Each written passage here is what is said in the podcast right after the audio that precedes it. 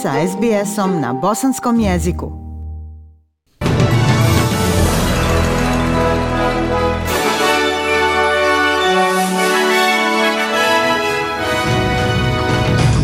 U današnjim vijestima poslušajte preko 30.000 infekcija i 16 smrtnih slučajeva u Novom Južnom Belsu.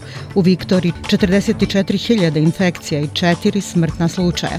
Novak Đoković dobija hranu bez glutena i laptop dok je u imigracionom pritvoru i u sportu Ash Barty danas igra u finalu Adelaide International. Slušate vijesti SBS radija na Bosanskom. Novi Južni Vels kaže da radi na sistemu za prijavu pozitivnih brzih testova. Ta savezna država bilježi više od 30.000 novih slučajeva COVID-19 i 16 smrtnih slučajeva. Queensland i Victoria su već objavili sisteme za prijavu pozitivnih brzih testova. Obje države i sada uključuju te brojke u službene dnevne brojeve, omogućavajući pacijentima pristup formalnoj podršci i finansijskoj pomoći, kao i pružajući precizniju sliku o stepenu covid u tim državama. Glasnogovornica zdravstva Novog Južnog Velsa, dr. Natalie Klis, kaže da planiraju isti pristup. Sljedeće sedmice nalozi za javno zdravstvo bit će ažurirani kako bi uključili zahtjev da ljudi prijave svoje pozitivne rezultate brzog testa. Ovo će pomoći da se osigura da pozitivni slučajevi dobiju podršku i savjeti o tome kako mogu upravljati svojim simptomima i kada bi mogli trebati tražiti i dodatnu medicinsku pomoć. Lider laborističke partije Novog Južnog Velsa Chris Mins kaže da život s covidom ne znači da čovjek mora živjeti, a da ne zna da li ima virus. On je jutro zgovorio o tome kako je vladino postupanje s testiranjem debakl. Zabrinut je da će porodice koje ne mogu da priušte testove proći bez njih. Zaista da insistirate na tome da brzi testovi koriste kako bi se utvrdilo da li je neko zaražen ili ne. Govorite o potencijalno više od stotinu dolara sedmično za petočlanu porodicu kako bi se utvrdilo imali COVID ili ne. Ne želimo da ljudi ne rade te testove. Oni moraju biti dostupni. Viktorija danas bilježi 44.155 novih infekcija covid i još četiri smrtna slučaja.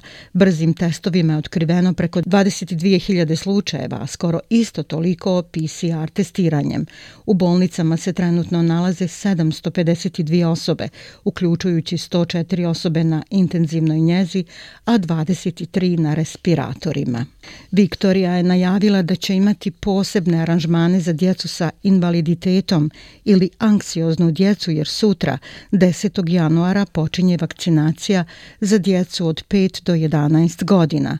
Zamjenica premijera Jacinta Allen kaže da su roditelji u državnom sistemu napravili preko 35.000 rezervacija za svoju djecu uz još oko 40.000 slobodnih mjesta. Ona kaže da Viktorija udvostručuje broj državnih centara koji su na raspolaganju za davanje doza djeci od 5 do 11 godina, a dodatna podrška bit će dostupna određenim ranjivim grupama.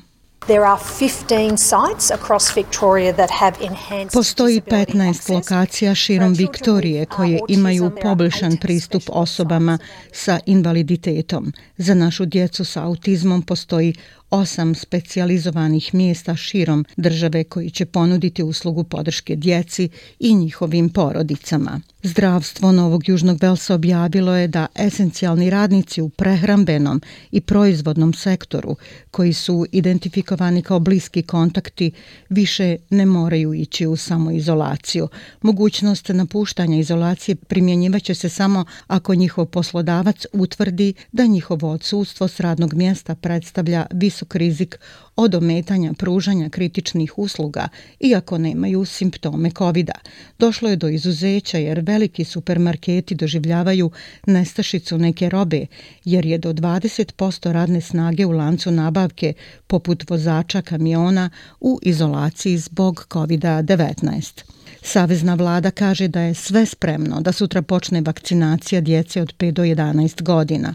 Postojala je zabrinutost oko snabdjevanja dovoljnim količinama vakcina uz izvještaje da je od nekih roditelja zatraženo da pomjere rezervaciju za svoje dijete, a neki farmaceuti i ljekari žale se da su količine vakcina koje mogu naručiti ograničene.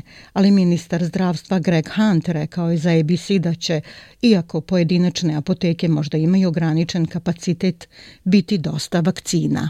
The uh, orders, uh, as I say, uh, Naručbe su, kao što sam rekao, dosta ispred roka.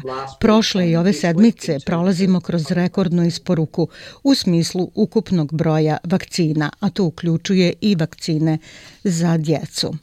Premijerka Srbije Ana Brnabić je rekla u subotu da se borba nastavlja kako bi pomogla teniskoj zvijezdi Novaku Đokoviću koji je zatvoren u hotelu za imigrante u Melbourneu. Đokoviću je odbijen ulazak u srijedu nakon što su mu granični službenici ukinuli vizu jer nije ispunio uslov za ulazak da svi nedržavljani Australije budu u potpunosti vakcinisani protiv COVID-a.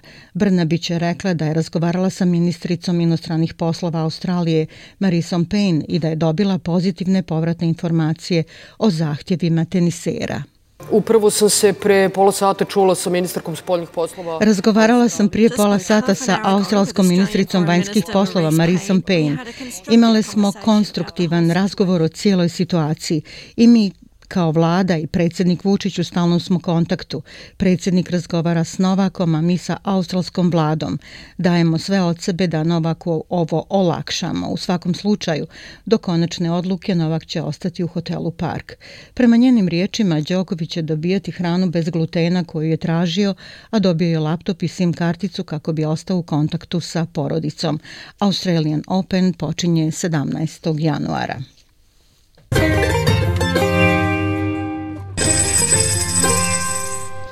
Prema kursnoj listi, australski dolar danas vrijedi 0,71 američkog dolara, 0,63 eura, 0,52 britanske funte i 1,23 bosanske konvertibilne marke.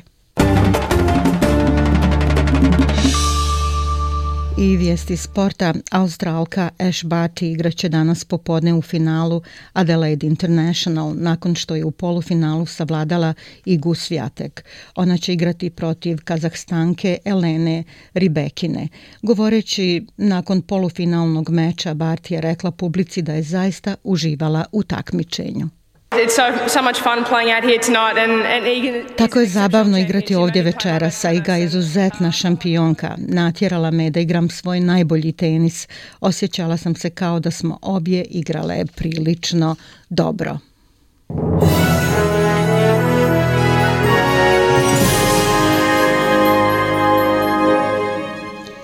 I na kraju vijesti vremenska prognoza za sutra. U Pertu sunčano 30, Adelaidu 35, u Melbourneu dijelimično oblačno 28, u Hobartu 18, Kamberi 30, u Sidneju mogući pljuskovi 29, Newcastle 29 i u Darwinu 34 stepena. Bile su ovo vijesti SBS radija na bosanskom jeziku. Ja sam Aisha Hadži Ahmetović. Ostanite i dalje s nama.